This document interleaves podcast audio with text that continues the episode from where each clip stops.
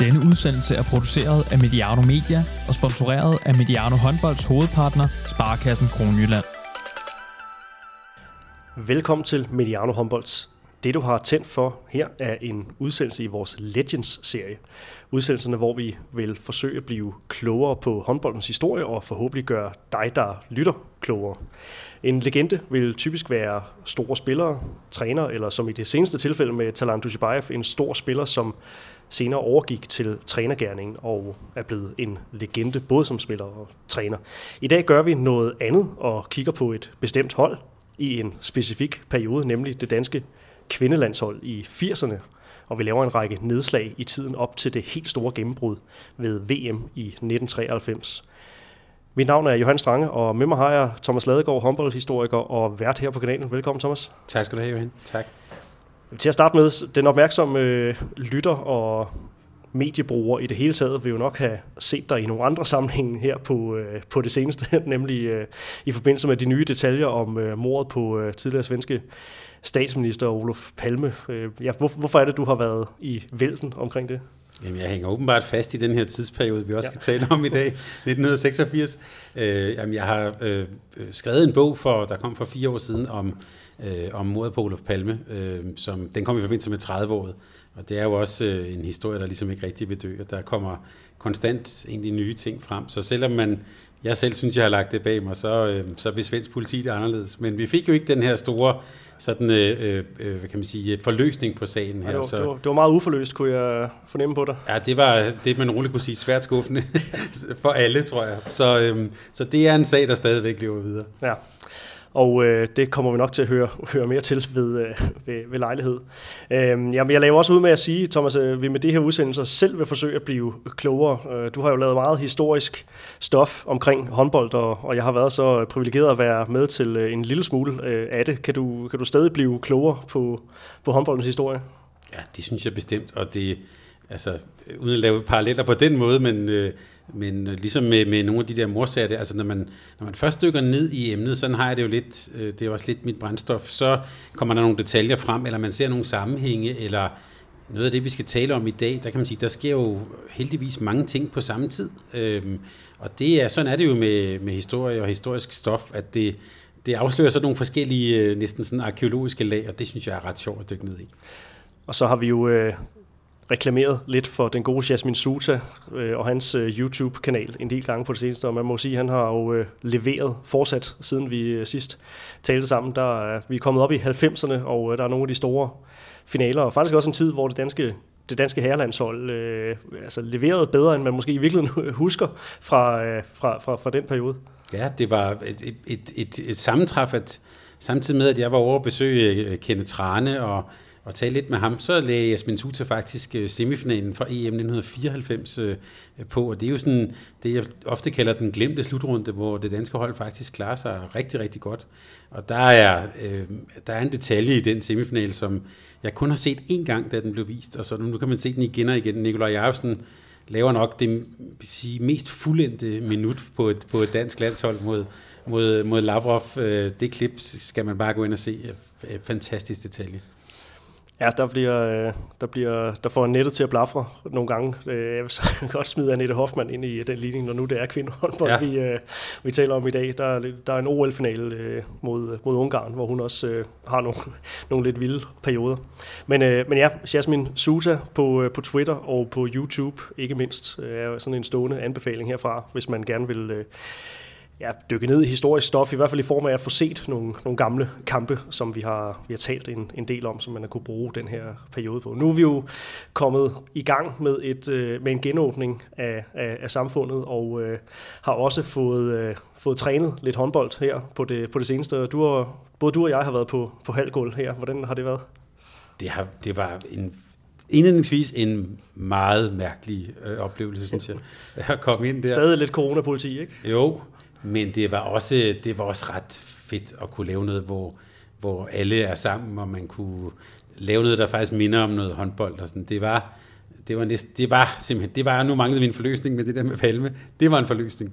Jeg ved ikke, hvordan du oplevede det at, at, at træde ind på, på et halvt gulv, og den der lyden af nogle bolde og noget harpix og sådan noget. Jo, og jeg kunne faktisk fornemme, at jeg havde, jeg tror, min spiller havde, havde læst endnu bedre op på retningslinjerne, end, end jeg selv havde, så jeg må faktisk sådan ind og tjekke undervejs, må vi egentlig det her? Og ja, det, det, det er øh, specielle tider, og det er at asfaltere, mens man kører, som øh, vi har gjort i så mange sammenhænge med, med det her. Men selvfølgelig øh, rigtig, rigtig, rigtig, rigtig fint at være i gang igen. Men jeg kan måske lige sige, Johan, at øh, en ting, der i hvert fald også har slået mig i forbindelse med det her, man kan sige, hele genåbningen og håndbolden igen, øh, det er øh, det her spørgsmål om, altså om, om det her med at få folk tilbage igen, og om øh, det her begreb lidt fastholdelse eller fastholde motivation. Det er i hvert fald også noget, jeg har brugt lidt, øh, lidt energi på selv. Og det er faktisk et spørgsmål, vi kommer til at vende i vores øh, kommende B&U-afdeling, børne- og ungdomshåndbold, hvor vi øh, kommer til at tale med kompetente folk fra DHF om, om det her spørgsmål. Jeg kan ikke lade være at tænke på, at vi, tror jeg, ude i håndbold Danmark har, kommer til at få en udfordring i, i bredden. Ikke med måske de topmotiverede bedste spillere, men med, men med dem, der også gerne går der, fordi de gerne vil være sammen med deres øh, kammerater og være en del af en forening. Der har det her, øh, kan man sige, den her pause, lad os kalde det det, øh, det tror jeg er en øh, udfordring for klubberne, og det bliver en udfordring. Bestemt. Ja, som vi har sagt ved nogle lejligheder, så øh, er det de færreste børn, der går til håndbold for at ligge planken over et øh, Zoom-møde eller på, på et web-møde af en eller anden art. Så øh, ja, vi håber selvfølgelig, I holder skruen i vandet derude i, øh, i foreningerne. Inden vi bevæger os øh, alt for langt væk fra, fra emnet, så lad os hellere øh, begynde at, øh, at dykke ned i det. Og det vi skal tale om i dag, det er altså ikke selve den gyldne æra, som begyndte ved VM 93 og øh, sølvmedaljerne efter finale nederlaget til de stærke tyskere, men altså den periode, som leder op til slutrunden i øh, 93. Og Thomas, hvorfor er den her øh, periode så, så interessant at, at øh, tale om? Jeg kan lige starte med at rose dig, Johan. Det var jo sådan set dig, der fik ideen, og da jeg først tænkte over det, så, så, så kunne jeg se, at det var en indlysende god idé, fordi når vi fortæller sådan en dansk kvindehåndbolds øh, historie, så starter det, det er ligesom om, at, at håndbolden for kvinder starter i 1993, og så, så, så fortsætter vi bare derfra. Øh, men som vi forhåbentlig gør, kan gøre lytterne klart, så er historien op til det, jeg vil næsten sige mindst lige så spændende, fordi det er en historie om en faktisk en lille gruppe mennesker, som øh, egentlig kæmper mod nogle ret hårde odds, og så ender med at lykkes. Så det vi vil fortælle i dag om, det er ikke så meget øh, sejrens øh, sødme og Atlanta og alt sådan noget. Det er faktisk det, der ligger før. Og nogle gange er det jo også i man kan sige, den kamp for at komme frem til den der, øh, det der podie, det er jo ofte nogle gange der, de bedste historier ligger. Og det er den, vi prøver, vi prøver at fortælle i dag. Ja, og vi kommer selvfølgelig øh, både ind på Ulrik Vilbæk og Anja Andersen og Camilla Andersen og Susanne Munk Lauritsen senere Vilbæk, men der vil jo også optræde nogle, øh, nogle navne, som måske er gået i glemslen for de fleste, som var med på, øh, på, på starten af, af rejsen og det her, som du siger, det her hårde slid op til, øh, til VM 93. Jeg har det også sådan, Thomas, når, når, vi, øh, når vi snakker om det her, og også når vi har, har dykket ned i det i, i, i forberedelserne, øh, man kommer sådan lidt til at tænke på, på den her... Øh, den her, den her tid, vi er i nu, hvor man også kan være sådan lidt, lidt privilegeret som, som dansk håndboldfan. Vi havde en gylden æra i, øh, i 90'erne og starten af 0'erne med kvinderne, og så er herrene ligesom taget over, så vi har jo i øh, ja, fem, plus 25 år med enten det ene eller det andet hold siddet på, på, øh, på håndboldtronen eller siddet øh, med til, øh, til det rigtig fine bord. Men, øh, men den periode, som vi, øh, som vi skal tale om her, der er billedet altså noget andet, øh, både for, for herrene og for, for, for, for kvinderne, så det sætter også lidt tingene i, øh, i relief. Det er, jeg vil næsten sige, hvis man er under 30 år, så er man simpelthen meget forkælet med, med god håndbold øh, og, og gode resultater for de danske landshold. Før den tid, der var det jo Altså der kunne vi jo øh, juble over en øh, fjerdeplads, eller et dansk herrehåndboldhold, der blev fejret som verdensmester, bare fordi de undgik at ryge ned i C-gruppen og sådan noget. Altså det, det, øh, det vi taler om her, er jo også nogle personer, der måske i virkeligheden jo gik ind og ændrede på den der opfattelse af, hvad et, et dansk, i det her tilfælde et dansk kvindelandshold overhovedet kunne. Og gik også ind og ændrede på den der opfattelse, der handlede om, at jamen, det var godt, vi var med, og i øvrigt var der nogle store østeuropæere, og derfor er en fjerdeplads også rigtig godt. Der var hele tiden det der, øh, at det skulle hele tiden sådan, kan man sige, sættes i, øh, i, i relation eller relief, eller øh, i virkeligheden også måske tales lidt ned, eller sådan, fordi vi var jo op mod nogen, der var fuldtidsprofessionelle eller sådan. Og der er altså nogle mennesker her, der simpelthen gør op med den her opfattelse. Så det er også et tidspunkt i håndboldens historie, dansk håndboldshistorie, hvor der virkelig bliver gjort op med nogle øh, gamle tankegange, og øh, ja, man kan også sige, at det er nogle pionerer, der har også gjort, at vi står der ved dansk håndbolds øh, der hvor vi står nu, det er skyldes også de her pionerer, vi skal tale om i dag. Jeg kommer til at spørge øh, ind til det her ja, landskabet af, af verdenshåndbolden her lige om, om lidt, men det, det lyder på dig som om, at, øh, at vi var noget mere under dagen i, øh, noget mere ydmyge og respektfulde omkring ja, bare det at være med, som du siger, øh, i, i elitesport i, i, i 80'erne.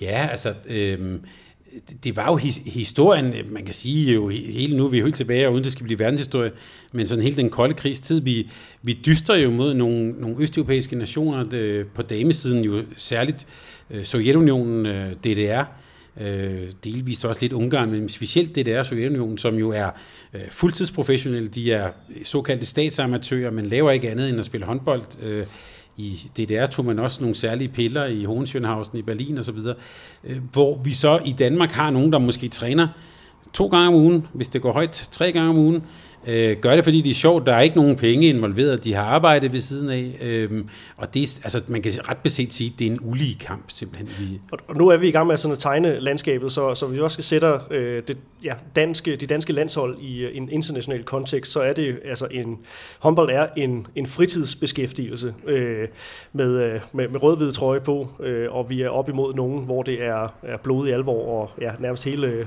liv og pension og alt det her, der, der står på spil. Fuldstændig. Altså det er virkelig den der danske foreningshåndbold, glade amatører på alle mulige måder, som er op imod nogen, der kæmper for fædrelandet, og hvor der står et politbyrå om bagved, og vil have OL-guldmedaljer og sådan noget. Så det er på mange måder en ulige kamp, og man kan sige, på, på herresiden i de her år, øh, der tror jeg, det er fair at sige, at der, øh, det er den samme ulige kamp, men der formåede herrerne alligevel på hjemmebane i 1978 og ved VM i 82, OL i 84, øh, de formåede alligevel at, og, øh, måske overpræstere, fordi de havde en dygtig træner, de havde nogle meget begavede spillere. Det var også til VM i 82 ungt hold, hvor mange af dem var studerende, og det gjorde så, at de på det tidspunkt faktisk kunne træne mere, end man ellers ville have gjort. Så der havde man et hold, der måske øh, lige i en kort periode kunne nogenlunde matche de allerbedste, men ellers var det en ulig kamp. Nu siger du sådan politbyrå i baggrunden. Man har vel også, øh, man er også op imod nogle nationer, der har sådan et helt statsapparat øh, bag sig, ikke? Altså at det er øh, nogen, der bliver trænet i sådan nationale centre og sådan noget. Altså et, et noget andet landskab end en dansk øh, foreningsidræt. Ja, fuldstændig. Altså i Sovjetunionen, der foregik jo øh, det, det hele i, øh, i Ukraine, i Kiev, ikke? Der havde man, landstræneren havde Spartak Kiev, de vandt Øh, Øh, Champions League 12 gange. Og, altså, det, var, det var fuldstændig samlet der. Også en relativt lille gruppe mennesker, men som også jo fik de ressourcer, der skulle til for, at de kunne præstere. De var jo, øh, i virkeligheden var de jo faktisk nærmest spadet inde i sådan et fængsel, hvor de jo øh, ikke kom hjem til familierne og sådan noget. Var der, øh, hvis de var heldige, fik de en fridag på en uge. Øh, det var fuldstændig fuldtid, og i virkeligheden endnu, kan man sige, endnu mere øh, han har sagt indespærret end det, vi kender for de selv de største professionelle klubber nu her. Det handlede kun om en ting, og det var at skaffe medaljer til, øh, til staten. Og hvis du vil høre mere til herrehåndbolden i, i den her periode, så øh, gå lidt tilbage i vores tidslinje og find udsendelserne om Talant Dushibayev frem, hvis du ikke har fået hørt den endnu, ellers kan du, øh, kan du genhøre den. Der taler vi om, om meget om det her med, med ja, de østeuropæiske nationer og Sovjet og, og det her store statsapparat i, øh, i ryggen på, øh, på de hold. Så, øh, så nu stopper vi snakken om herrehåndbold øh, for nu til dem, der har tunet ind og, og tænkt, det, det kun var, var kvindehåndbold. Øh, men øh, så kan man, kan man lytte mere til, til, øh, til og om det emne i, øh, i den udsendelse, vi lavede om, om Talant Dushibayev. Du lytter altså til Mediano Håndbolds på en varm sommerdag, må man i hvert fald øh, formode det her, vi optager onsdag den 17. juni. Vi er jo i en tid, hvor der alligevel ikke vil være meget håndbold, men øh, på grund af den her coronaperiode, så føles det jo som øh, endnu længere siden, og det er det jo også øh, endnu længere siden, at der har været håndbold, live håndbold at forholde sig til. Vi har optaget en del udsendelser i den her periode på over tre måneder siden landet blev lukket ned, nu så småt genåbnet, og det har vi kunne gøre, fordi vi har Sparekassen Kronland i ryggen. Så har du været glad for Mediano håndbolds udsendelser i løbet af den seneste tid, så send gerne Sparekassen Kronland i en kærlig tanke. Okay, Thomas, det var sådan lidt det generelle billede på, øh, på, på verdenshåndbolden her i, øh, i midt Måske vi lige skal tegne øh, øh, den overordnede tidslinje for det, vi kommer til at, at tale om her i den, øh, den i det her udsendelse. Øh, og det er, det er 1985 og så op til altså 19, 1993. Og øh, ja, vi begynder i, i 1985, og det er jo her, at øh, Ulrik Vilbæks forgænger bliver ansat ja. som, øh, som dansk kvindelandstræner. Det er øh, den gode gamle Ole Eliassen. Og ja. Øh, ja, hvad, øh, hvad var det for et øh, mandat, han øh, trådte ind på her? Jamen, jeg vil sige ikke et ord om herrehåndbold, men han var jo faktisk øh, gammel herrespiller, herretræner, havde gjort vores KFM til mestre, og havde jo sagt de heostratisk berømte ord om, at øh, livet er for kort til kvindehåndbold. Og hvornår sagde han det? Det er før han træder til? Som ja, ja, det, det er sådan ja. før. Det er altså, jeg vil så sige, den har han sådan set øh, lavet meget sjov med, synes jeg egentlig på en god måde.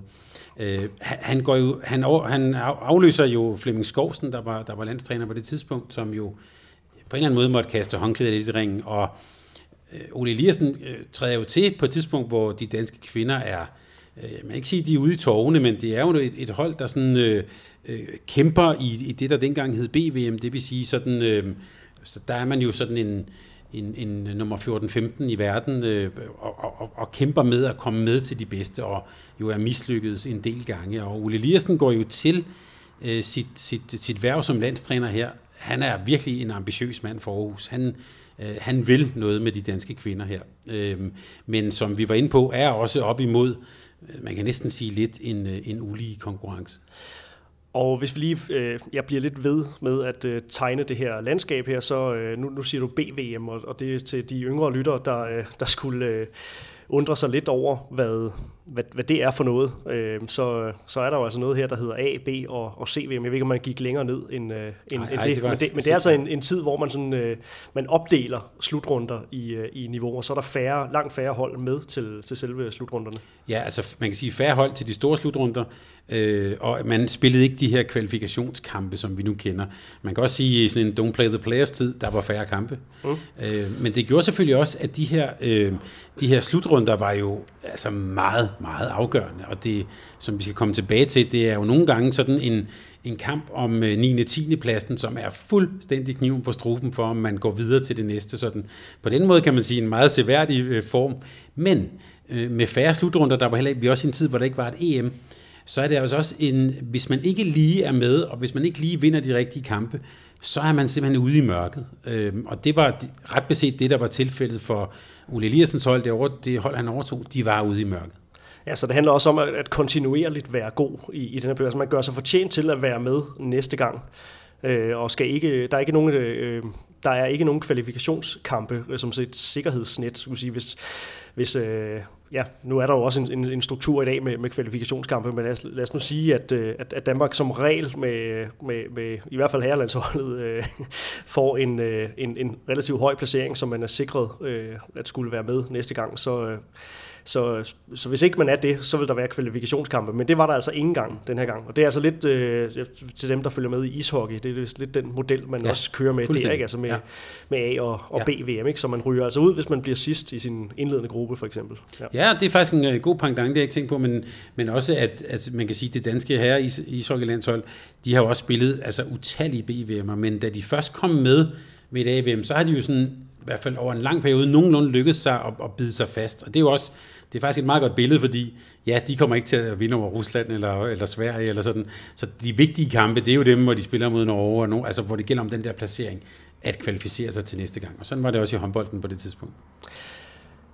Og øh, Ole Eliassen er altså blevet udnævnt til A-landstræner på det her tidspunkt, og øh, afløser altså, som du siger, Flemming Skovsen som, øh, som A-landstræner. Og sommeren 1985, der sker jo så øh, noget af, af det mest skældsættende i dansk kvindehåndbolds historie. Vi har talt om det ved, øh, ved flere lejligheder alligevel øh, Øh, tager vi det op her, fordi at det, er, det er jo i sagens natur super relevant for, for den her øh, fortælling.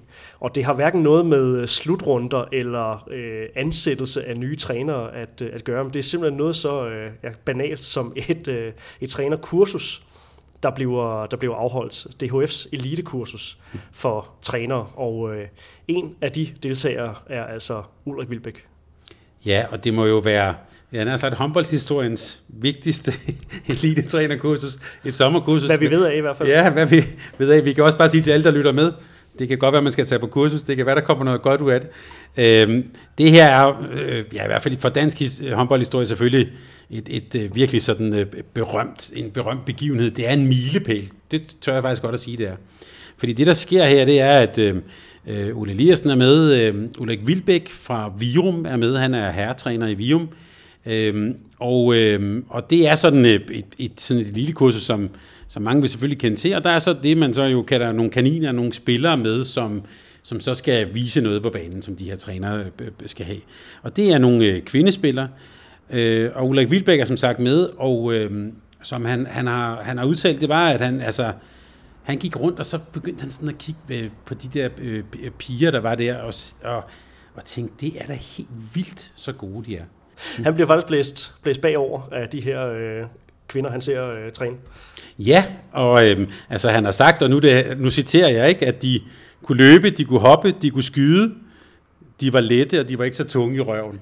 Så, så, så tror jeg, at vi øh, meget uelskværdigt også har sagt lidt om, hvordan han måske så på datidens kvindespillere. Men og det, var, det var måske virkelig en uh, sigende om, om synet på, på kvindehåndbold. Nu har Ole Eliassen haft det her, eller kom med det her citat inden, ikke? Altså, så det er uh, måske også et meget godt billede på, hvordan man egentlig ja, så på, uh, på, på kvindehåndbold og kvindesport, måske det hele taget. Ja, og jeg, jeg tror også, vi skal heller ikke være uelskværdige. Der var også gode spillere i Danmark på det tidspunkt, men det gik nok ikke super stærkt. Og, og, og vi skal også huske, at vi er på et tidspunkt, hvor man kan sige, hvor kontraspillet og altså noget kommer ind. Meget, meget dygtige fløjspillere præger også verdenshåndbolden på det her tidspunkt. Øh, og, og der ser han altså nogle unge talenter, der faktisk måske har det her i sig. Og han går så rundt der og, og, og, øh, og går rundt og siger, hvorfor, hvorfor gør I ikke noget ved det? Øh, og han går også hen øh, faktisk og udfordrer Ole Eliassen øh, på, på det her. Men der er så mange gode spillere, det må I da for pokker gøre noget ved. Øh, og man kan sige, øh, uden, han, uden han vidste det, så endte det faktisk med at blive, man kan næsten sige, en form for, øh, for jobansøgning. Øh, og uden at skulle sige alle navnene, så kan man sige, at nogle af dem, han så der, det var blandt andet en ung øh, Janne Kolding for eksempel, øhm, øh, som var med der, og som øh, gætter jeg på, også kunne løbe stærkt dengang, også kunne hoppe, og også havde noget teknik, som man måske ikke havde set på kvindesiden, øh, som kom frem der.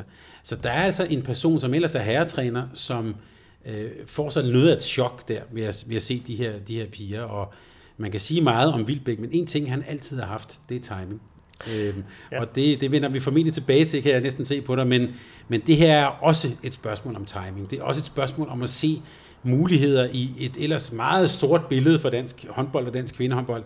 Der er altså et, et lyspunkt her, som er meget voldsomt. Men også en, en sjov parallel til, øh, til, til nutiden, eller vi skal jo en, en 5-6 år tilbage øh, nu her i tiden, øh, da, da Claus Brun blev, blev ansat, og den, den indgang, han også fik til, til, til, til jobbet, øh, med, og alt det her med, at, at han kom fra, fra at have været ren herretræner, og, og alt det her, ikke? Og så synes jeg bare, det, den er sjov at hive frem. Jeg er med på, at det er en anden tid, ikke? det her, vi, vi taler om, men at, at her kommer altså en, der også har været øh, mere eller mindre ren herretræner, øh, men, men som simpelthen ikke kunne få øjnene og tankerne væk fra de her dygtige unge øh, kvinder. Så det, det måtte han simpelthen øh, kaste sig øh, over.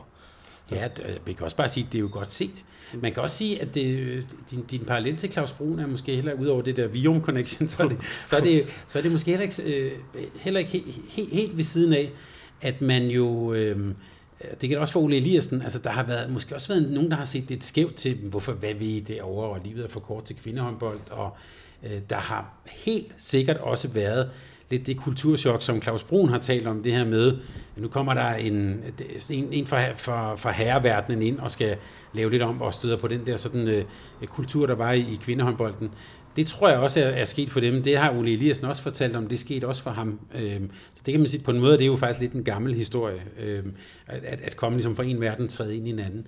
Men vi kan også sige, om det gælder også om dem begge to, at det var ikke ambitioner, som de gik ned på. Altså de ville noget med, med de her kvinder. Ja, og øh, det blev jo så til et øh, makkerpar øh, et, en trekvart års tid efterfølgende for øh, i foråret 1986 der øh, ringer Ole Eliassen så til øh, Ulrik Vilbæk og øh, giver ham et, et jobtilbud, som han, som han, Ulrik Vilbæk, ganske enkelt ikke kan, øh, kan afslå. Øh, og det handler jo om et ulandstrænerjob, men det handler også om, om, øh, om, om lidt mere end, øh, end det. Altså han skal være med ind omkring øh, A-landsholdet også. Kan du øh, fortælle, hvad det er, øh, han, øh, han, han får? Han får faktisk ret mange arbejdsopgaver her. Ja, og han skal også stå for, man kan sige, noget af den forbundstræning, der foregik øst for Storebælt. Altså der deler, øh, vi skal sige til lytterne, vi er jo også i tiden før Storebæltsbroen, så, så, så de deler simpelthen lidt landet op imellem sig i sådan en øh, øh, øh øst-vest-del. Så Ulrik Wilbæk skulle træne københavnerne. Og der er jo noget med, med, med københavnerne og træningsmentalitet på, på det her tidspunkt. Øh, og øh, det er sådan lidt den der gamle sang om, at, at jyder, øh, jyder versus øh, københavner. Men Ole Eliassen, han, han, øh, han har jo den øh, indstilling, eller han har jo den... Øh, øh, har det syn på sagen, at, at, at jyderne er, er bedre indstillet simpelthen til at, øh, at, at træne håndbold, og det er noget, som Ulrik Wilbe faktisk får, får, får syn for, for sagen. Og der er sikkert nogen, der skal sidde og tænke, øh, Ulrik Vilbe, jamen det er der Viborg, og sådan, men det er, faktisk, det er så først nogle år senere. Øh, han, var, han var faktisk øh, københavner på, øh, på det her tidspunkt, så ja, han skulle, øh, han skulle stå for sådan den københavnske øh, fløj af, af, af landsholdet, fordi de var ikke samlet så, så tit. Ja, man kan jo også sige, øh, på hans ulandshold, det vender vi tilbage til, der er også en pæn god østrepræsentation, som, og hvor han jo så tog en del af dem med sig til Viborg øh, senere hen. Øh, men det er et tidspunkt, hvor der også bliver tænkt nyt i dansk håndbold. Øh, vi kan også sige, det, hvis vi skal tegne et meget mørkt kapitel i dansk håndbold, så er det i årene her 86-87. Det er et tidspunkt, hvor 1986, der skal Ole Eliassens hold simpelthen spille C-VM i Spanien.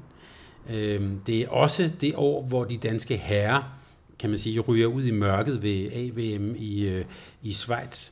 Det er på alle måder faktisk et tidspunkt, hvor både kvinder og herrer er virkelig er ude i mørket.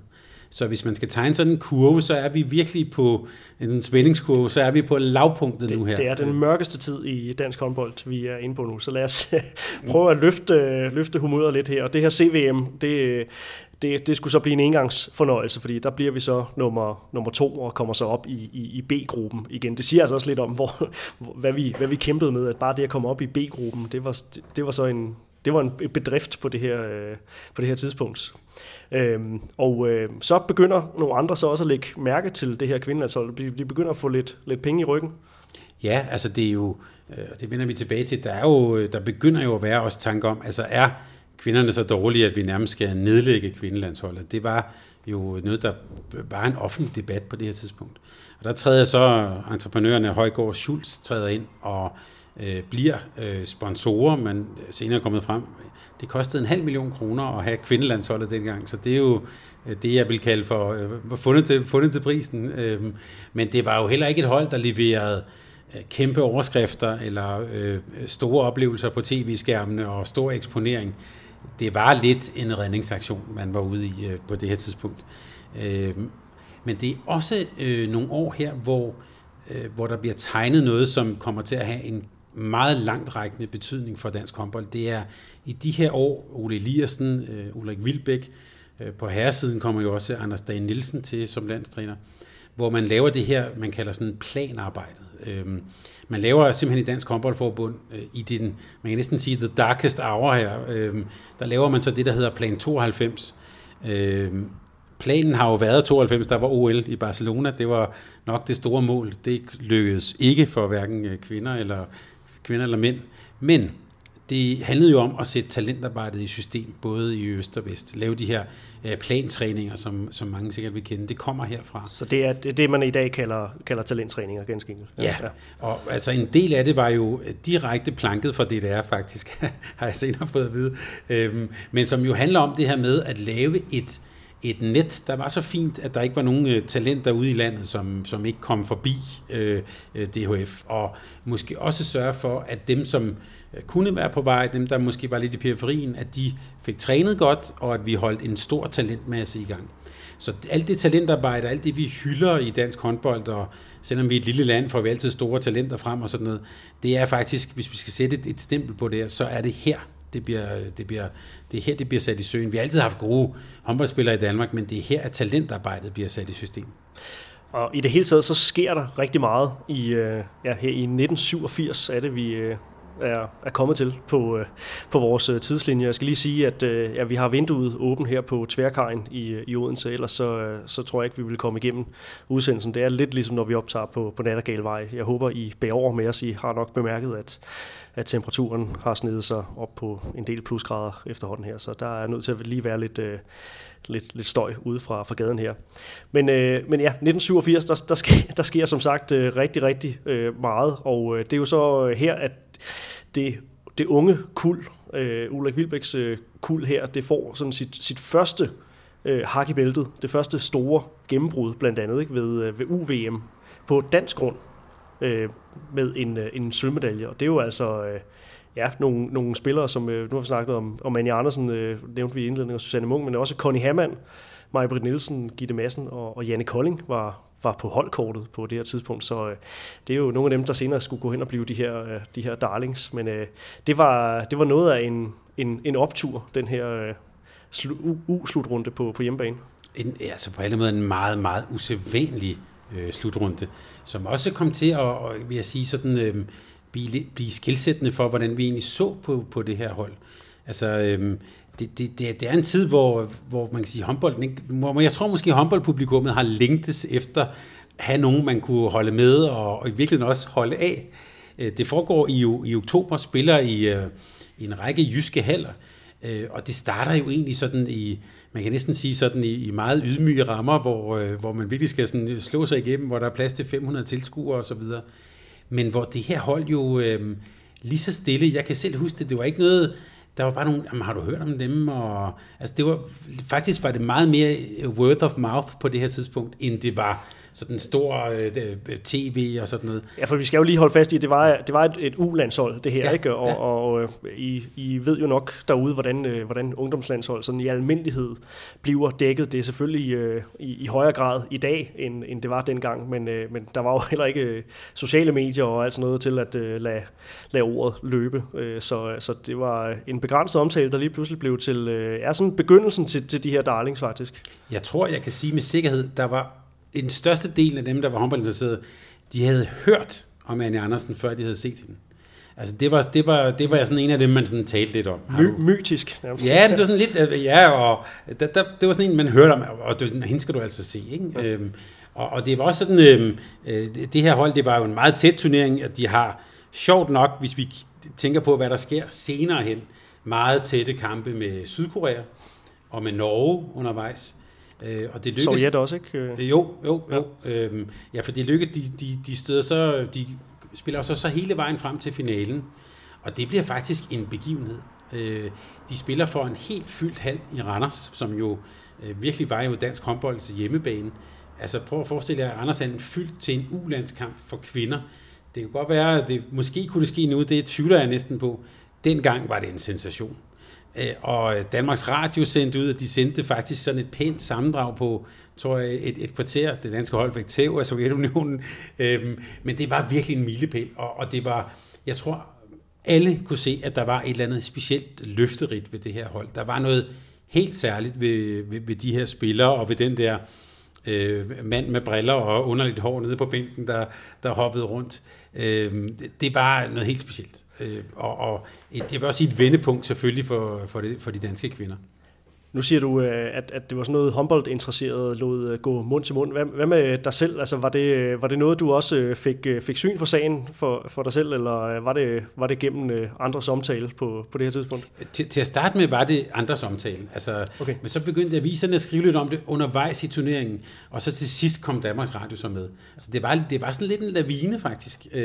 Jeg tror, til at starte med har det sikkert kun været deres forældre, der var interesseret i det her, og, og, og så selvfølgelig Vilbæk, men, men det var virkelig, altså, det var virkelig noget, som folk talte om i, øh, i, øh, i, i håndbold Danmark. Og måske er det måske den allerbedste omtale, man kan få, det her med, at det var ikke sådan blæst op på sociale medier eller noget som helst. Det var simpelthen bare noget, man talte om, at der var noget ret specielt her. Øh. Men midt i alt det specielle og de her ja, nationens darlings, der så småt er ved at blive øh, født, eller kimen er i hvert fald ved at blive, øh, blive lagt her, så lurer der jo også noget drama i kulissen, som der så ofte gør, når, når gode ting sker i dansk håndbold, så, så foregår der øh, ting i, i kulissen. Og, ja, hvad er det, der, der, der foregår i, i, i dansk håndbolds administrative regi her? Jamen, hvis vi lige tager, øh, hvis vi tager den fuldstændig på tidslinjen, så foregår det her UVM altså i oktober 1987. Øh, og det her hold, øh, jeg vil næsten sige, øh, tager jo røven på alle, og, og alle kan se, at det her det ligesom er fremtiden. Samtidig har vi så et forbund, der kæmper med økonomien, som har fået det her lille sponsorat, men, men som, og, og som jo går i overvejelser med at nedlægge landsholdet og sådan Der sker simpelthen det, at øh, Erik Tvernø, der var øh, leder i DHF, han ringer til Ulrik Vilbæk efter den her UVM, øh, fordi at øh, A-landsholdet skal til øh, BVM i, øh, i Bulgarien i, øh, i december, så vi er altså to måneder henne, eller to måneder før det. Og der ringer han simpelthen og spørger Ulrik Vilbæk, om han ikke kunne tage, tage det der uhold, og så tage det, det der BVM i stedet for. Altså, man kan ret til beset sige, at han, han beder Ulrik Vilbæk om at stikke en kniv i ryggen på Ole Eliassen, øh, gå bag om ham, øh, smide hele det gamle A-hold ud, og så bare starte forfra. Så man, man vil simpelthen gøre U-landsholdet til, øh, til det nye A-landshold? Ja, simpelthen, og altså smid alle de andre på borden. Øh, og på alle måder kan man sige, øh, altså man kan så sige, at det var det, der skete senere hen, men, men det er jo også et hold, der ikke er klar til det, og Øhm, og måske også en træner, der ikke er klar til det, og en træner, der heller ikke vil optræde illoyalt. Så det siger Ulrik Vilbæk jo øh, på alle måder pænt nej tak til. Øhm, øh, kan man sige, både klogt og lojalt. Men det fortæller lidt om, hvor, hvilken desperat situation forbundet også har, egentlig har befundet sig i. Altså, ja, fordi man anede virkelig, at der var øh, ja, en, en ren guldmine her øh, i, i den her øh, unge øh, overgang af, af, af kvindelige spillere her, øh, som man simpelthen ville køre ind til øh, ja, at skulle være bærende kræfter på et A-landshold øh, allerede nu. Øh, Ulrik Vilbæk blev jo først dansk landstræner fire år senere, øh, mm. så han, han, han formår altså at være en, øh, en, en tro væbner indtil da. Ja, øh, det gør han, og jeg vil også sige, øh, jeg, jeg sidder sådan, øh, også lige og tænker på med bange anelser, hvad der egentlig var sket, hvis han havde sagt ja. Fordi så var der helt sikkert sket det, at så var det her unge hold taget ned og blevet skadet, og de har fået så mange stry øh, til, til sådan et, et VM. Vi, vi skal lige huske, at det her BVM gælder altså kvalifikationen til OL i Seoul i 88. Så der var gode hold med, de har fået så mange til. Øh, så også synes jeg en, en klog beslutning. Øh, man kan sige, altså der var vi har at tale med nogle årgange, som gør ret øh, hurtig debut på A-holdet, også senere hen i Vilbæks regeringstid. Øh, men her fik de faktisk tid til at udvikle sig, de fik tid til at træne. Og Ulrik Vilbæk får også tid til at, øh, at udvikle sig sideløbende med, øh, med det her, fordi at der er jo så et, et andet trænerjob, der så, øh, der så, der så venter på, på ham, og øh, nu har man jo senere set ham blive træner for, for Viborgs kvinder. Det var det job, han, han tog, da han så senere var, var færdig i, øh, ja, i, i foråret 98, øh, da han havde haft A-landsholdet i, i syv år øh, på det tidspunkt, og, og havde haft det her ja, kul faktisk i, i over 10 år. Øhm, så, ja, så bliver han træner for Viborg HK. Men det gør han jo faktisk også i, i slut 80'erne, og øh, igen paralleller til, til nutiden med det her med at holde sig skarp. Og, altså, jeg ved ikke, om det var et, et tema dengang på, på samme måde, at, øh, at landstræner kunne være klubtræner. Det var vist egentlig meget almindeligt, at, øh, at man, man var det flere, flere steder. Men, øh, men ja, han øh, bliver altså bliver Viborg-træner, men det er jo ikke et Viborg-hold, i, øh, i, altså, der er på toppen af, af dansk øh, kvindehåndbold på, på det her tidspunkt, så langt fra. Det kan man ikke sige, og spiller også i den gamle tinghallen, og altså, det er under meget spartanske forhold. Øh, det, det, er, øh, det er vel det, man på nudansk vil sige, det var et øh, projekt, de tog fat på. Øh, man kan også sige det på en anden måde, det er også et skifte, der på, de, altså på alle måder ændre dansk håndbold. Og de spiller i anden division, skal det lige sige. Så ja. når man siger anden division, så, så var der ikke noget, der hed øh, håndboldligaen dengang. Så, øh, så en anden division er svarende til nutidens første division, så det er ja, næst, men, men den, næst bedste række. Ja, men den pangdang, men, men jeg, jeg synes er oplagt at gøre, det er, at Viborg og Vilbæk faktisk laver lidt det samme, som Brøndby gjorde på fodboldfonden. Altså hvor, hvor, øh, hvor man kan sige, på dansk håndbold, det er jo, som vi var inde på, en fuldstændig amatørsport. Det er træning to, måske hvis det går højt, tre gange om ugen. Der er ingen penge. Nogle fik måske nogle kørepenge, og lidt under bordet var der i hvert fald snak om dengang. Men det er en, en, på alle måder en amatørsport. Og det, som Viborg ændrer på, og som Vildbæk er med til at ændre på, det er hele opfattelsen af, øh, at det her som en amatørsport. Det er, det er der, hvor vi begynder at se det, det første professionelle. Han bliver ansat på en kontrakt til godt nok 200.000 kroner om, om året. Men det er faktisk et nybrud i dansk håndbold. At vi har sådan en træner, og øh, og, og at der bliver sat nogle rammer op, hvor man faktisk gerne vil i hvert fald gå i retning af noget professionelt, gå i retning af noget af at gøre noget andet. Det han i øvrigt også gør, det er, at han tager jo nogle af de her øh, spillere fra det her ulandshold, dem tager han faktisk også med til Viborg. Øh, blandt andet en meget, meget dygtig højreback, øh, Maja Britt Benda, som ellers øh, var, fra Københavnsområdet. Øh, Susan Olsen kommer også med se senere hen. Altså han tager, han tager nogle, af, nogle, nogle af de her talenter, der også gerne vil noget nyt og træne på en anden måde og tænke det mere ambitiøst, tager han med til Viborg. Og der, det bliver sådan en, en ambitiøs kraft. De har ikke i de første år, har de ikke der udfordrer de ikke de der, øh, på det tidspunkt topklubberne. Men altså enhver kunne se, at dem der i de grønne trøjer, det var, Øh, det var virkelig sådan en, en, en kraft, der var på vej frem. Og hvis vi lige øh, bliver ved, øh, ved Viborg HK og, og den, den danske bedste række, så øh, efter en, øh, en, en oprykning, så relativt kort efter, så spiller de jo faktisk DM-finale, og øh, fra, fra årene 91 til 95, der står DM-finalerne for, for kvinder, altså mellem Viborg og, og GOG.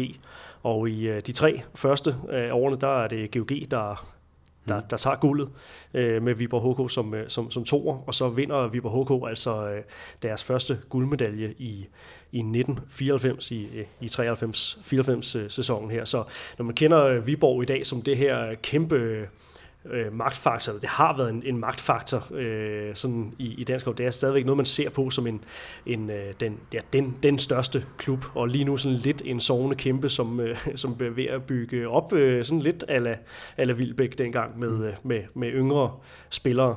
Øh, så, øh, så er det altså først i, i 94, at de vinder deres første øh, guldmedalje. Også lidt, øh, lidt skægt at, at tænke på. Det er så med, med Brian Lyngholm ved, øh, ved roret. Ja, det, det, det, det tager tid.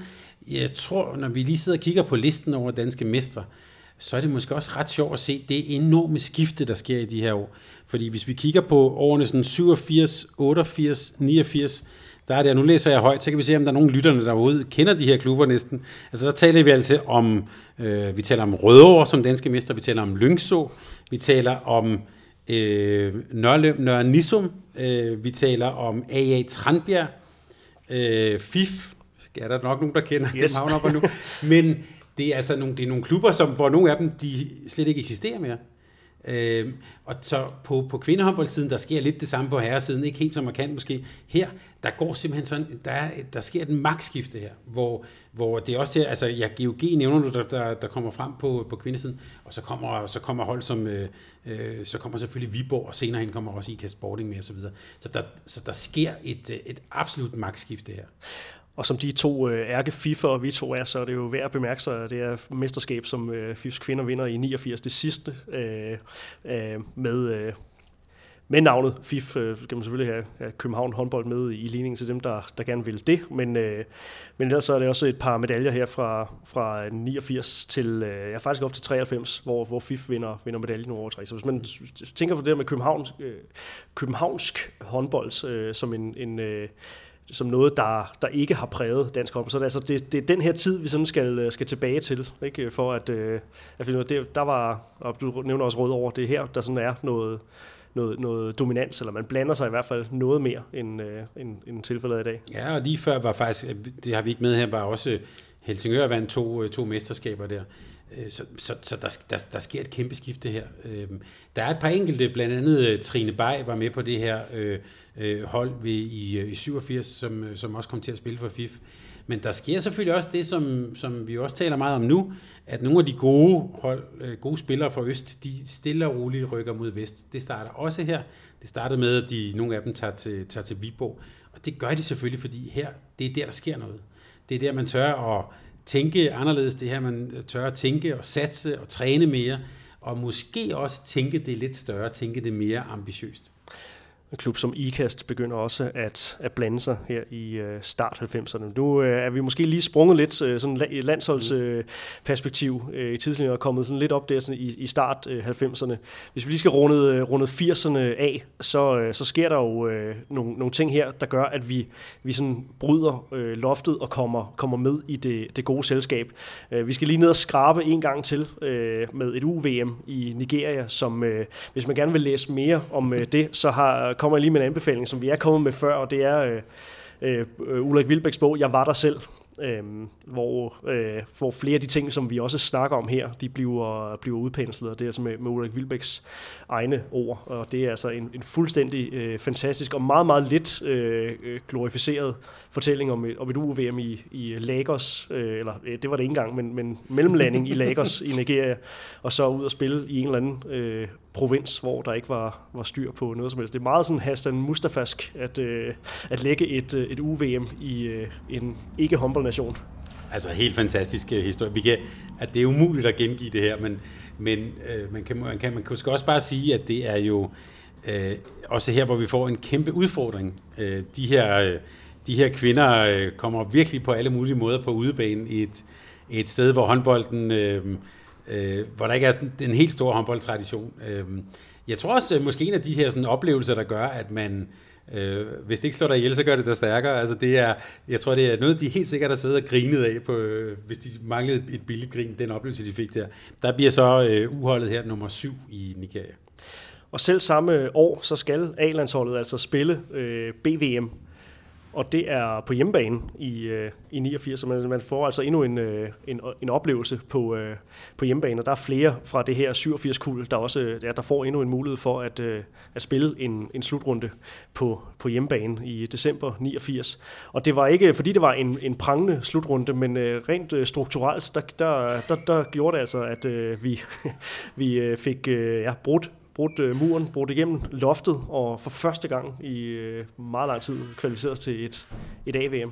Jamen, jeg, jeg kan tydeligt huske det. Jeg kan også huske sådan optakten til det. Øh, Ole Eliassen, der var ligesom, nu havde man det der 87 UVM, der var, sådan, der var, der var grøde i kvindehåndbolden, og jeg, jeg husker sådan nogle interviews op til det her, der var ligesom for Ole Eliassen, nu skulle det være, ikke? Det var hjemmebane, nu skulle vi, nu skulle vi kvalificere os, nu, og også tror jeg, nu skulle vi vise hele håndbold Danmark, at nu var vi altså på, på rette vej. Og man kan sige, begejstringsmæssigt lykkedes det ikke. Øh, men, men holdet ender med at blive nummer syv, spiller hele tre uafgjorte kampe, og det er altså også nogle kampe, hvor man kan sige, det er ikke scoringer, det er sådan noget 15-15 og sådan noget, og taber stort til Sverige. Men det er nok til, at man kvalificerer sig til AVM i Sydkorea i, i 1990. Og det kan man sige, øh, nu er pilen på vej opad. Det er ikke prangende, men det der med at være med i det bedste selskab, og være med ved et AVM, det har jo været lidt sådan et, øh, et meget fjernt mål. Og nu, øh, øh, så nu tager man altså det her skridt, selvom det ikke skete på den mest festlige manier, så er man med i det bedste selskab. Og det her AVM, det foregår altså som sagt i, i Sydkorea, og det er sådan endnu en, en mellemfornøjelig forestilling, og faktisk så, så får vi jo en placering, der gør, at vi, vi hurtigt ryger, ryger den anden vej igen. Men øh, lidt som med, med fodboldlandsholdet i, i 92, så bliver vi altså reddet af noget geopolitisk. Ja, altså vi, vi skal måske lige sige, at altså, Udi Eliassen forsøger lige så stille at få nogle af de her spillere med. Han rager uklar med Anja Andersen, øh, har ellers fået debut, hun er ikke med. Øh, men der er sådan øh, et, et par spillere med, som vi kommer til at, at, at, at tale videre om. Janne Kolding er med, Annette Hoffmann er faktisk også med. Øhm, der er også, jeg mener også Heidi Astrup var med der faktisk, som er meget, meget ung. Øhm, så der, der begynder at komme et par af de her unge spillere med, som så bliver parret lidt med de, kan man sige, mere rutinerede kræfter. Øhm, og det er et VM, hvor, hvor Danmark, øh, øh, man vil sige, de kæmper alt det, de har, de har, de har lært. Annette Hoffmann sagde senere hen, det var en god shoppingtur. Øh, så, så, så, så der har nok været ikke helt den seriøsitet, vi ser senere. Det lykkedes dem at spille sig frem til en afgørende kamp. En afgørende kamp, øh, hvor de skal spille mod Polen om 9. pladsen. Øh, og den er så afgørende for, om man kvalificerer sig til det næste VM, nemlig i 93. Og der kan man se det her med, altså hvor lang tid man kan være ude i kulden. Og det er simpelthen en kamp, som Danmark taber med et mål. Så på en måde er vi på alle måder slået tilbage til start. Så det lignede altså, at vi skulle gå hele øh, tre kalenderår uden øh, en, en øh, deltagelse ja, i et AVM. Og, og husk, det er før EM. Yes. Det, er, altså, det er en endeløs ørken, ørkenvandring faktisk. Ikke? Øhm, det, der så sker, er jo, at, øh, og der skal vi lige bevæge os lidt uden for håndboldens verden, det er jo, at øh, når vi taler 1989-1990, det er jo også nogle år, hvor der falder mure på alle muligheder. Berlin, mm. Berlinmuren falder, Øh, mange af de østeuropæiske lande er der også, øh, der er hele opløsningen i Sovjet og så videre. Øh, så der sker en masse geopolitisk, og det redder faktisk også de danske håndboldkvinder, fordi øh, på det tidspunkt er både Vesttyskland og DDR kvalificeret til AVM, Og de stiller jo så op ved det her AVM øh, som en nation. Og så kan man sige, så er der plads til et, et land mere, og det er så Danmark, som fra den her 10. plads med et, man kan sige, på mindst mulig marken, så lykkes at kvalificere sig til et AVM i Norge i 1993 det her AVM, altså hvordan var mediedækningen af, af, af det? Altså kunne, kunne landsholdet sådan ride øh, videre på, øh, på den der sådan, øh, ja, spirende darling-tendens, som vi, vi snakkede om tidligere i, i udsendelsen her, og ja, kunne, man, kunne man se øh, tegnene fortsat her? Jeg tror, jeg tror, det er fair at sige, at det var ikke det, skal vi sige, tv-produkt, vi kender fra, fra TV2 nu. Øh, det er øh, sendte noget, noget sammendrag, sådan som jeg husker det, og altså, det var ikke sådan, at der, der ikke blev skrevet om det, det gjorde der bestemt. Men vi er heller ikke, i, vi er heller ikke, i, øh, vi er heller ikke på et tidspunkt, hvor, hvor det var nogle spillere, der sådan øh, bjergtog nationen, om, som man bare skulle, øh, skulle hjem og se. Det var lidt, kan man sige, en, en, en kamp, han har sagt, en kamp fra hus til hus, øh, hvor, hvor man håbede det bedste, og bare det nu ikke gik galt og så videre. Øh, det var ikke øh, de her darlings, som vi kom til at kende senere hen. Og Anja Andersen, var hun stadigvæk sådan mere en mytisk figur end øh, en, en øh, reel sportsstjerne i Danmark? Ja, det var hun, og øh, jeg, jeg tror da også, der allerede på det her tidspunkt har været nogen, der har sagt, jamen bliver det nogensinde til noget med hende? Altså hendes talent var jo, altså man skulle være døv og blind for ikke at se, hvad hun kunne på en bane. Men det her med, øh, og en dansk sammenhæng, og her ligger nok også en hel podcast på et tidspunkt, Johan, øhm, men det her med at, at være så anderledes, det tror jeg, øh, der var nogen, der sagde, jamen går det overhovedet? Øhm, og jeg er helt sikker, altså det tror jeg, det har han også sagt direkte, at det var ikke, det var ikke noget for Ole Eliassen på det her tidspunkt. Og der var jo også, det har Anne Andersen også selv sagt, der var jo en kæmpe konflikt mellem, man kan sige, de unge spillere, øh, som kom, og måske særligt Anne Andersens, hendes indstilling til håndbolden og måden at tænke håndbold på, i forhold til det, som hun kaldte for strikkeholdet. Altså det var måden, hun omtalte de, kan vi sige, mere rutinerede kræfter, øh, som jo øh, som jo så det her, det var hyggeligt, og det var spændende, og det var oplevelser, og det var forenings Danmark øh, på alle mulige gode måder. Øh, og man strikkede sammen, og man havde det sjovt sammen. Men det var jo altså det helt modsatte af det, som sådan en som Anja Andersen eller Ulrik Wilbæk stod for. Så der var jo, der skete, det var jo en, en kulturkamp, eller en kulturkrig, om du vil. Og var det stadigvæk måden, man sådan generelt så på, på kvindehåndbold på, på det her tidspunkt, eller, eller havde man sådan begyndt at bryde øh, muren sådan rent øh, respektmæssigt? Jeg tror på det her tidspunkt er vi et, der er vi i en overgangsperiode, ikke? fordi man har set det der fra 87, øh, man har set nogle af de spillere, og alle kunne se også, at der skete noget i Viborg, øh, men det er, det er jo endnu ikke slået igennem endnu. Øh, og, og de har heller ikke, man har heller ikke set endnu et helt hold, der spillede sådan, som de kom til at spille senere hen. Altså, det skal man også huske, at øh, de spillede jo også på en anden måde, da de for, for alvor slog igennem. De var, som Vilbæk oplevede i 85, de var hurtige, de kunne hoppe, de kunne løbe kontra. De, øh, de kunne alle mulige ting, som vi ikke havde set før. Og det er ting, man ikke tog for givet øh, på det her øh, tidspunkt.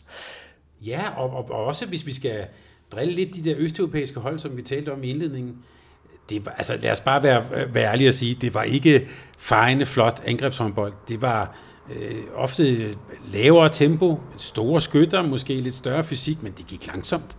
Og det var ikke øh, sådan store tekniske øh, raffinementer, som vi så senere hen med skruebolde for Janne Kolding og det Hoffmann, og scoring var for spidse vinkler, og øh, som Anja også lavede, altså bag om ryggen og sådan noget. Det var jo fuldstændig uset. Altså, det skal man bare tænke over, da, da, da hun kom frem, og det hun lavede, det havde man aldrig set før på en bane.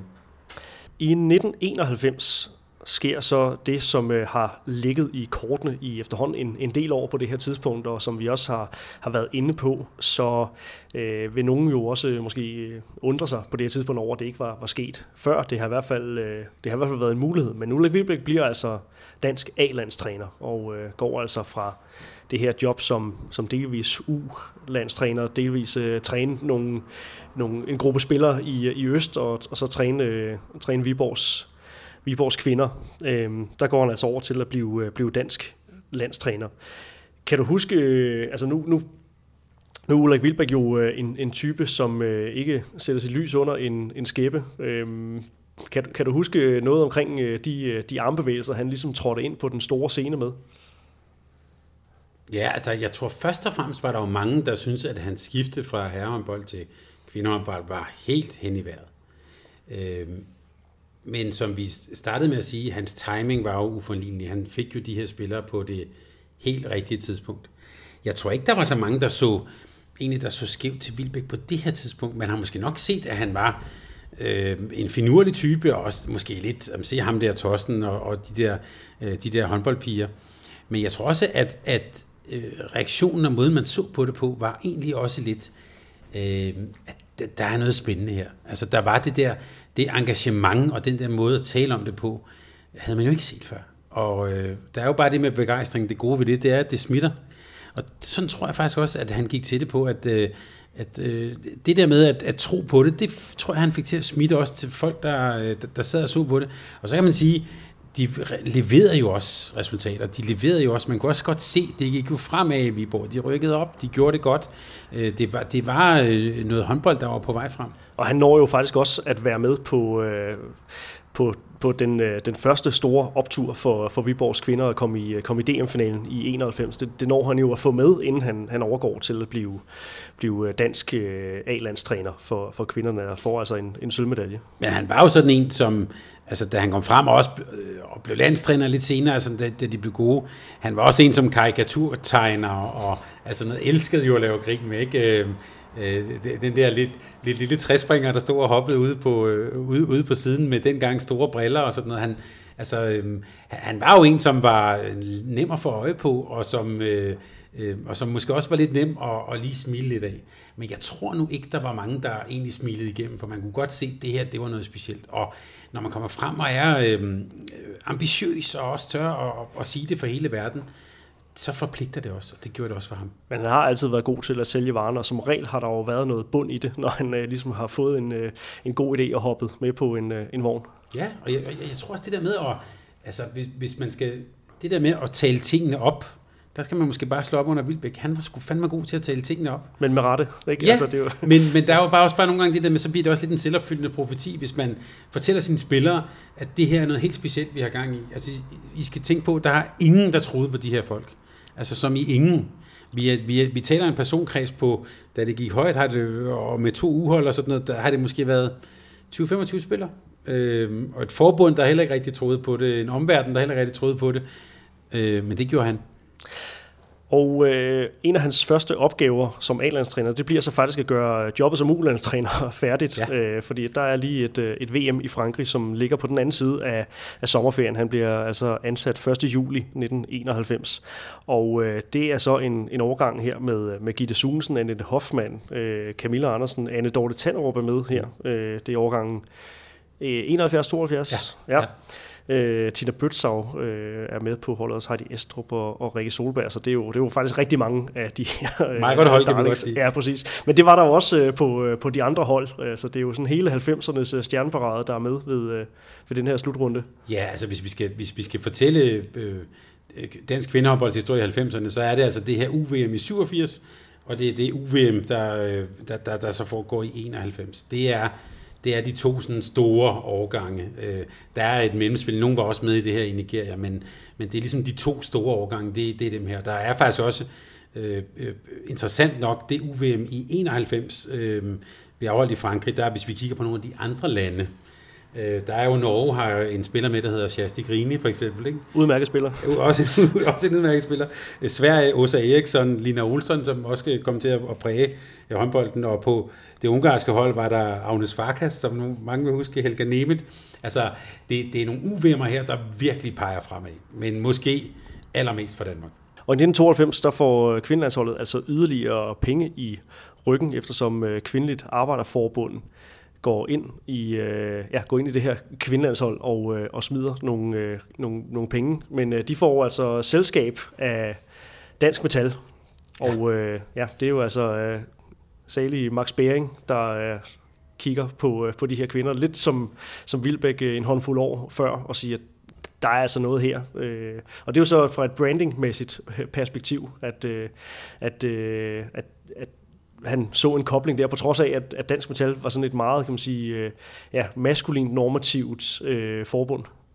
Ja, det er jo, altså, jeg tror, vi må kalde det her for, i hvert fald dansk sportshistories bedst sete sponsorat. altså, at, at, at tage dem her øh, på vej frem, øh, promovere dem så, øh, så stærkt, som de gjorde. Altså, øh, i, i en sådan grad, at de jo simpelthen kom til at hedde de jernhårde ladies øh, efter dansk metal. Og, det kom til at hænge ved. Ja, det, det hedder de jo stadigvæk. Øh, altså, der kan du bare sige, der kan man næsten sådan huske sponsoratet på den måde.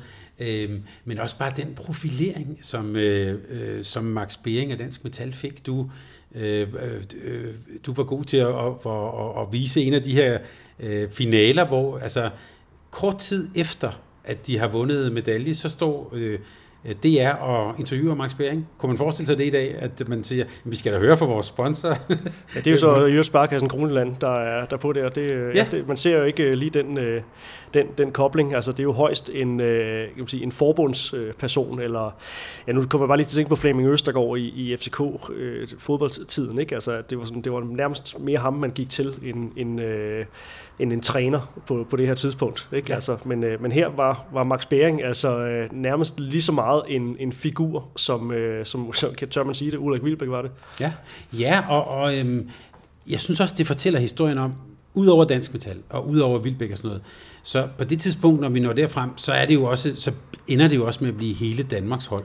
Så jeg, så jeg tror ikke, det på nogen måde virkede underligt. Det virkede måske bare meget naturligt. Det var nogen, som vi alle sammen stod bag. Øhm, og, og nogle, øh, kan vi sige, helte og heldinder, som vi egentlig alle sammen fattede sympati med. Man kan også måske sige en lidt mere, jeg vil ikke sige naiv tid, men lidt mere sådan uskyldig tid. Øh, med, øh, det, det var også før, det var DR, der havde der sendte alle de her ting. Øh, så, øh, så, så det foregik på noget mere sådan venskabelig og uskyldig måde. Ikke? Det her VM 93, som øh, vi, er, vi, vi runder vores, øh, vores snak af med, det får jo så en, øh, en forløber. Altså, dengang var man jo heller ikke øh, sådan helt vildt overbebyrdet med, med samlinger og, og øh, træningskampe og træningsstævner. Så noget af det, der lå, lå forud, og nu, lå, nu var der også længere øh, tid mellem øh, slutrunderne, som vi har været inde på. Noget af det, der lå forud, det var faktisk et helt år før øh, VM i 93 i øh, ja, det sene efterår 92, hvor der bliver spillet øh, FM Cup. Og hvor, hvorfor er det en øh, hvorfor er det et interessant nedslag at, øh, at, at øh, tage frem her?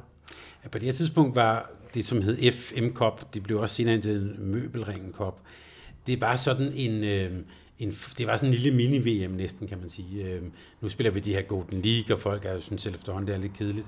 Her var der faktisk tale om, at de allerbedste hold i verden mødte hinanden, og det, var, det blev ofte sådan lidt en, øh, en, øh, en forsmag på, hvad der kom til at, øh, at vente. Øh, I Sverige havde i mange år sådan noget, der hed World Cup, som fungerede lidt på den samme måde, hvor de bedste hold spillede. Det var der, man så nye spillere anden og sådan noget.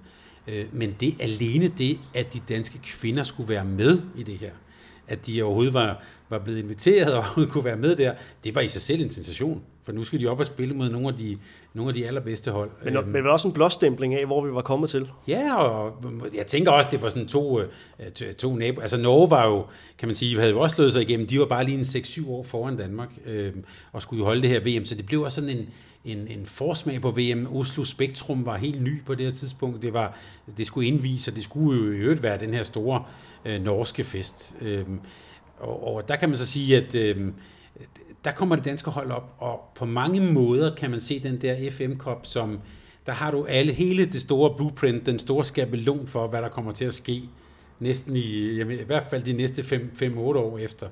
Øhm, vi har et dansk hold, der spiller fremragende håndbold. Vi har et dansk hold, der øh, spiller god, god kontrahåndbold, store individualister. Øh, det store generationsskifte er, for, er foretaget. Det er det hele, det er hele den unge garde, der spiller her. Vi har også en kamp, øh, som, øh, som Danmark taber indledende mod Norge, hvor holdet falder fuldstændig sammen. Anne Andersen falder fuldstændig sammen. Øh, skændes med alle sine omgivelser, er på vej hjem. Øh, meget af det, som vi så senere hen, sker faktisk allerede her. Øhm. Så det er den her øh, enfant terrible, som øh, nationen, øh, håndboldnationen vel også sådan, for første gang sådan rigtigt stifter bekendtskab med, at det var altså ikke kun det her gudsbenåede boldtalent, men, øh, men altså også en, øh, en spiller, som øh, for alvor kunne, øh, kunne dele øh, vandene blandt publikum. Ja, og jeg tror også, det er fair at sige, også kunne dele vandene på sit eget hold. Øhm, Altså det, er, det her, det er jo, når det virkelig kommer under pres, og det gør man jo, når man spiller mod de bedste hold i verden, øh, så, så kommer det her unge hold jo helt naturligt under kæmpe pres. Øh, så det er også selvfølgelig en turnering, de lærer rigtig, rigtig meget af. Men det vigtigste, det er, at Danmark faktisk får spillet sig frem til finalen. møder Norge i Spektrum, og det skal jo være den helt store fest for norsk håndbold. Med koklokker. Med koklokker. Altså det er hele bygtøjet. Alt det, vi kender, øh, ser vi også der. Øhm, og så sker der selvfølgelig det, at Danmark vinder med et mål lige til sidst. Og jeg vil sige, jeg tror mentalt, det der med, at alt det arbejde, de havde lavet, alt det, de havde, altså nu, vi var helt tilbage i 85 og sådan noget, der skal vi tænke på, at det er nogle, øh, nogle kvinder her, og en træner og sådan noget, som jo har øh, ændret på hele opfattelsen af, hvad dansk kvindehåndbold overhovedet kan være, som har øh, trænet mere, end man nogensinde har gjort før, som har været mere ambitiøse, end man nogensinde har været før. Flere samlinger, øh, alt muligt. Og nu får de så faktisk høster de frugterne af den. Det mentale gennembrud er selvfølgelig helt afgørende for, hvad der kommer ja, til at ske senere. Det var den, den, den afgørende øh, ingrediens i, i gryden med, med selvtillid og, og tro på tingene. Og det er vel noget, der gør, at, at, at holdet kan tage til det her VM, i, også i Norge, øh, et år senere i, i december 93, med, øh, med forhåbninger. Og øh, et eller andet sted er vel også noget, som nu begynder øh, de håndboldinteresserede danskere at øh, drømme om, at at det godt kan, kan blive til noget langt om længe med, med de her kvinder, man har, man har hørt så, så meget om op gennem øh, slut 80'erne og, og, og start 90'erne. Så det, det, der, det, som øh, senere blev til starten på gennembruddet, det er jo så slut, slutningen på, øh, på, på vores, øh, vores udsendelse her. Øh, når man sådan hvis vi bare sådan kigger isoleret set på, på VM 93 og, og de forventninger, der var op til, øh, hvor stor en overraskelse var det, at vi kunne øh, tage fra, fra, den, øh, fra det VM med en sølvmedalje, og altså helt ude i forlænget spilletid. Altså vi var så tæt på at blive, øh, blive verdensmester i øh, næsten sådan første forsøg på den rigtig store scene. Hvor, hvor stor en overraskelse var det? For hele håndboldverdenen var det en sensation. Altså, det var det. Øh, det, det, er, det er selvfølgelig et tidspunkt også, på herresiden, det, verden er jo under forandring her, der kommer også nye hold frem, men det her var et, altså på alle måder et magt- og tronskifte. Her, her skete der, altså her blev håndboldverdenen lavet om. Og jeg vil faktisk, hvis, hvis, hvis, hvis vi skal lave et, det helt præcise nedslag, så er det den 28. november 1993 i øh, det, der hedder Runarhallen i Norge. For der møder det her danske hold, vi skal huske, at de kom med med røven i vandskorben, så den gruppe, de er i, er monsterhård. Altså de er, møder Litauen, de møder Korea, og de møder, øh, de møder øh, hvad hedder det, Rusland på det tidspunkt, det gamle Sovjetunionen. Så det er giganter, de er op imod. Øh, men den kamp mod Rusland, øh, mod øh, storskytten Moskva, det var simpelthen, øh, det var fortidens håndbold mod fremtidens håndbold. Øh, og det, der var så specielt ved den kamp, det var, at Danmark vandt simpelthen ved at løbe russerne ned. Vi var jo trods alt mindre end dem, men det var ikke så meget det, at vi vandt, det var måden, vi vandt på. Det var en helt anden måde at spille kvindehåndbold på, vi så der. Og det, var, det var simpelthen noget, verden ikke havde, havde set før. Ja, altså det, hvis man skal se, lave et nedslag i sådan et sted, hvor der virkelig sker sådan et skifte, så er det, det er den kamp. Det er den dato. Øh, og jeg ved også, at det har Vildbæk og mange af spillerne også sagt bagefter. Altså det var, øh, på det tidspunkt, der fik, der fik, øh, der fik de den der selvtid, fordi Rusland, Sovjetunionen, det var altså i alle, i altså lige siden håndbold blev startet næsten international håndbold, det var nogle, dem kunne man ikke slå. Altså det var helt umuligt. Og så ikke bare at vinde over dem, men at løbe dem ned. Det var, øh, det var på alle måder et, et, øh, et, et, både et magtskifte, men også et vendepunkt og vel også det helt store folkelige gennembrud, fordi at nok havde der været en sådan spirende interesse der i slut 80'erne, men det øh, stak jo fuldstændig af øh, med befolkningens øh, interesse øh, under den her øh, slutrunde, og øh, som, som turneringen skred frem, og det danske øh, hold vandt øh, mere og mere, så, så steg interessen jo ganske, ganske naturligt, som det jo ofte gør, når, når øh, danske sportspræstationer er sådan under, under opsejling. Men, øh, men sådan den, øh, den kurve, der, der foregik her, det var øh, det er sådan noget af det mest øh, eksplosive, hvad man sådan kan, øh, kan, kan læse sig til i hvert fald. Og øh, ja, der var jo ikke noget, der hed pressechef øh, på, på det her tidspunkt, så det var jo noget, spillerne og, og Ulrik Vilbæk og teamet sådan ligesom øh, selv skulle, øh, skulle, skulle tage sig af. Øh, også noget, som, som øh, Ulrik Vilbæk senere har, øh, kan man sige, ikke bortforklaret, men i hvert fald forklaret øh, finale nederlaget med, at det er simpelthen den mentale træthed ovenpå at have været øh, have følt sig så meget på for første gang nogensinde. Den, øh, den tærede altså øh, på kræfterne. Og, og der var, altså hvis vi lige skal lave et nedslag i det, altså så var der jo en helt særlig øh, episode, øh, sådan rent mediemæssigt. Det skal se, hvor det her foregår, altså øh, et stykke op i Norge. Øh, men, øh, men der var altså noget fredag aftens underholdning på dansk jord, som, øh, som skulle have, have deltaget til en af de her jernladies. Ja, altså, øh, en af de sådan mest øh, elskede beholdet var jo Rikke Solberg, øh, og hun blev simpelthen fløjet ind til TV2's elevatoren fra, oppe fra Norge, for VM i Norge, hjem til Danmark, øh, formentlig til Valby, for at være med live i elevatoren. En fredag aften. Ja. En fredag aften. Intet mindre.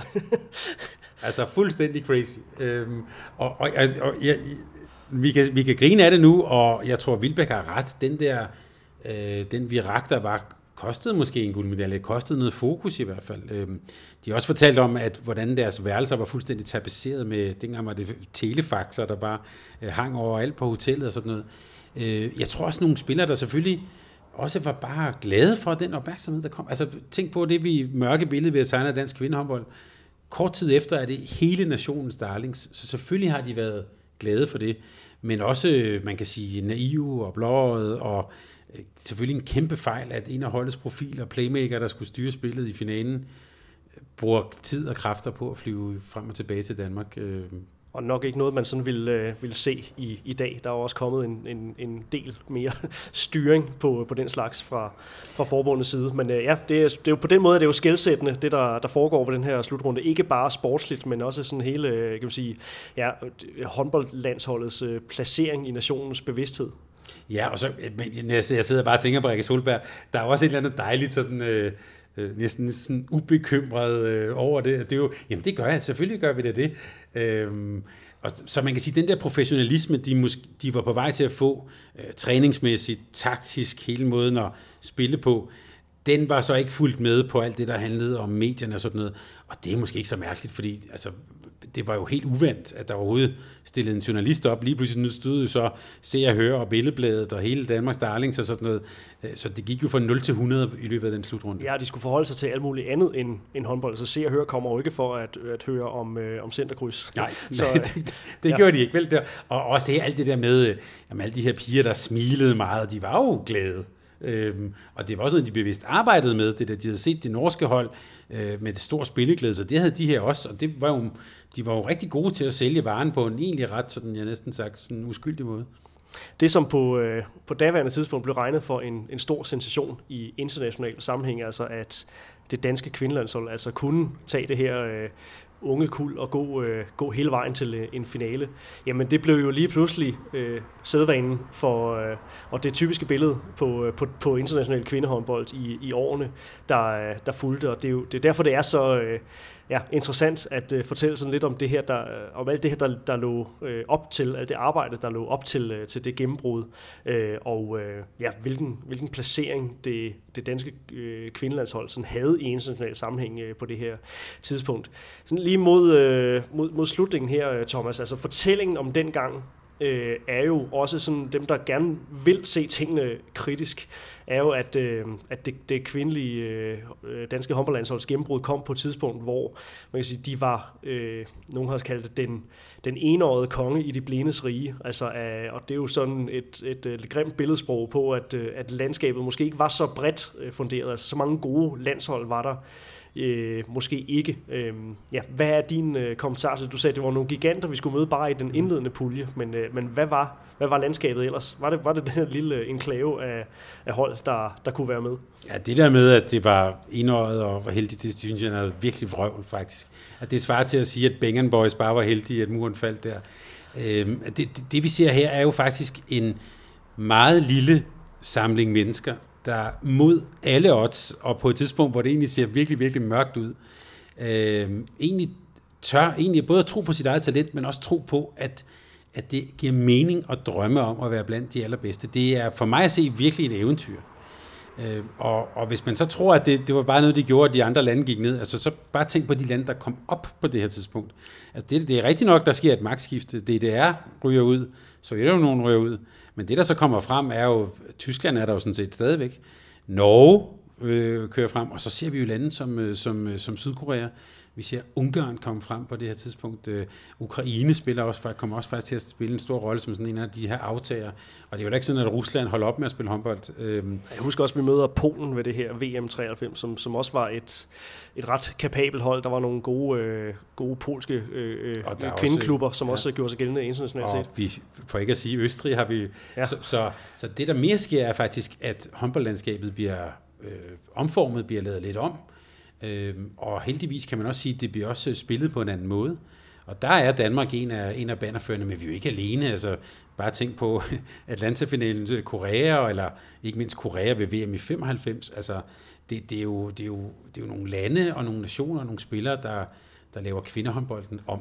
Øh, og det sker på det her tidspunkt. Men stadig meget sådan forskellige øh, forskellige spillestile, som, som jeg husker, fordi at, altså, selvom Korea havde øh, bjergtaget også lidt op gennem 80'erne, måske, øh, måske særligt øh, deres, deres herre øh, landshold, ja. så øh, jeg, jeg husker i hvert fald, øh, som der som ung knægt sad og så de her koreanske øh, kvinder, og øh, ja, husker folk tale om, så det var, det var stadigvæk øh, nyt, det var stadigvæk spændende, den måde, som, øh, som de spillede på, og så kunne man sådan kigge lidt kontrastfyldt til, øh, til Ungarn, som, som var sådan lidt mere sådan østeuropæisk, ja, ja, statisk. Ja. Øh, Agnes Farkas er jo ikke sådan en, en elegantier på en, øh, en håndboldbane. ikke Hong, eller? Nej, nej præcis. Fridrikas var det vel egentlig heller ikke, nej, sådan, hvis vi skal være... Ja, og hele det østriske landshold. Mm. Øh, ja. Thomas, det kunne vi jo øh, vi kunne fortsætte øh, fortællingen her, men vi vælger at, øh, altså at stoppe den her øh, med sølvmedaljen i, i 93. Øh, og øh, så kan det jo ved senere lejligheder blive, øh, blive øh, ja, anledning til at fortsætte, fortsætte fortællingen, fordi så er det jo nu de rigtig sjove år, sådan resultatmæssigt øh, kommer. Øh, men det er jo øh, nogle år, som også, kan man sige, fylder meget i dansk øh, håndboldshistorie, i hvert fald noget, som er blevet belyst ved flere lejligheder, så øh, vi syntes i hvert fald, det var øh, en, en lidt anderledes sjov ting at, øh, at gribe det her øh, an med, med tiden øh, op til. Er der, er der andre øh, pointer end dem, vi har leveret det sidste øh, timer og kvarter, som, øh, som du brænder for at øh, komme af med her, Thomas? Jeg tænker bare, hvis, vi lige, hvis jeg lige må få lov at blive sådan en lille smule storleden her til sidst. Jeg har, jeg, jeg har bevæget mig Altid. Lidt, jeg har bevæget mig lidt på vej derhen. Øh, så synes jeg jo nogle gange, at der jo dels det der med, at der er det er mål, man når, men nogle gange er rejsen derhen jo mere interessant. Og det er sådan det, den historie, vi har prøvet at fortælle i dag. Rejsen hen til den der guldalder, vi, vi har mødt. Og så synes jeg altså også, at der er øh, i, jeg ved, og det er det store der kommer ind i alle livets forhold, der er altså altid noget inspirerende ved at tænke tilbage på nogle, øh, på nogle personer, som har kæmpet mod alle odds faktisk, og også har tur og gå deres egne veje, hvor alle andre har sagt, at det er, vi lægger det ned, og det er håbløst, og lider for kort til kvindehåndbold. Prøv at tænke, lige præcis på det tidspunkt, er der så nogen, faktisk nogle piger og nogle kvinder, der siger, at det skal fandme være løgn, øh, og som tør at stå ved deres talent, og som også tør og gøre det på deres helt, helt egen måde. Det synes jeg stadigvæk, at der er inspiration at hente i. Og ikke mindst det, at øh, der så er rent faktisk er nogen, der får øjnene op for, øh, for de her mennesker, øh, og øh, vil, øh, vil hjælpe dem på, på deres vej. Ikke øh, blot Ulrik Vilbæk, men at der også er nogle, nogle mennesker, der vil, der vil poste penge i, øh, i det her. Thomas Ladegaard, tusind tak for øh, godt bidrag til øh, Mediano Håndbolds Legends-serie. Det har været en fornøjelse at øh, tale dansk kvindehåndbold og øh, gumbetunge øh, 80'er-spillere og på rejse øh, frem mod et, øh, et, øh, et VM-sølvmedalje. Øh, der hvor at, at de for alvor træder ind i nationens bevidsthed. Du skal have, have tusind tak for, for de besøg. Jeg siger bare tak, fordi vi må få lov at tale om det her. Det, ja. Man kan forhåbentlig mærke, at der banker noget hjerteblod. Bestemt, og det er vi altså ikke øh, færdige med, og øh, der skal nok komme mere af samme skuffe. Kan du øh, lide, hvad du hører, så øh, send os også endelig gerne en, en anmeldelse på øh, nogle af de platforme, hvor øh, du afspiller vores øh, podcast. Er det som regel muligt at øh, skrive en, øh, en anmeldelse, og øh, vi er ellers altid åbne for feedback, så I skriver bare på øh, diverse sociale platforme, hvor I altså kan følge os Facebook, Twitter og Instagram. Husk at abonnere, så du altid får besked, når vi får nyt. Det her var præsenteret af Sparkassen Kronland. Det har der været i over to hele år. De har også været med på øh, vores rejse og troet på os siden øh, begyndelsen. Tusind tak, fordi du lyttede med. Tak fordi du lyttede til en podcast af Mediano Håndbold. Hvis du kunne lide udsendelsen, så husk at abonnere på Mediano Håndbold, der hvor du hører podcasts. Så får du den seneste udsendelse serveret direkte til dig. Du må gerne fortælle dine venner om os, og husk at følge os på Facebook, Twitter og Instagram. Mediano Håndbold kan lade sig gøre, takket være Sparkassen Kronjylland. Vi har gået hånd i hånd siden foråret 2018, og de er med os hele 2020.